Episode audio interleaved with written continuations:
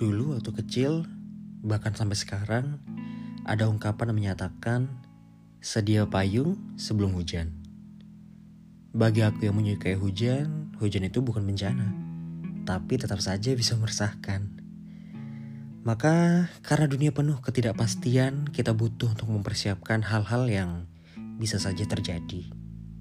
Kalaupun kau bawa payung, gak apa-apa kok, neduh aja dulu. Dan yang pasti harus kita ingat bahwa ada hal yang bisa kita kendalikan dan juga tidak bisa kita kendalikan.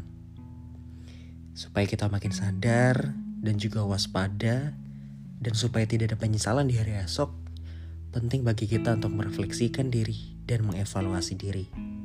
Yuk, teduh sejenak.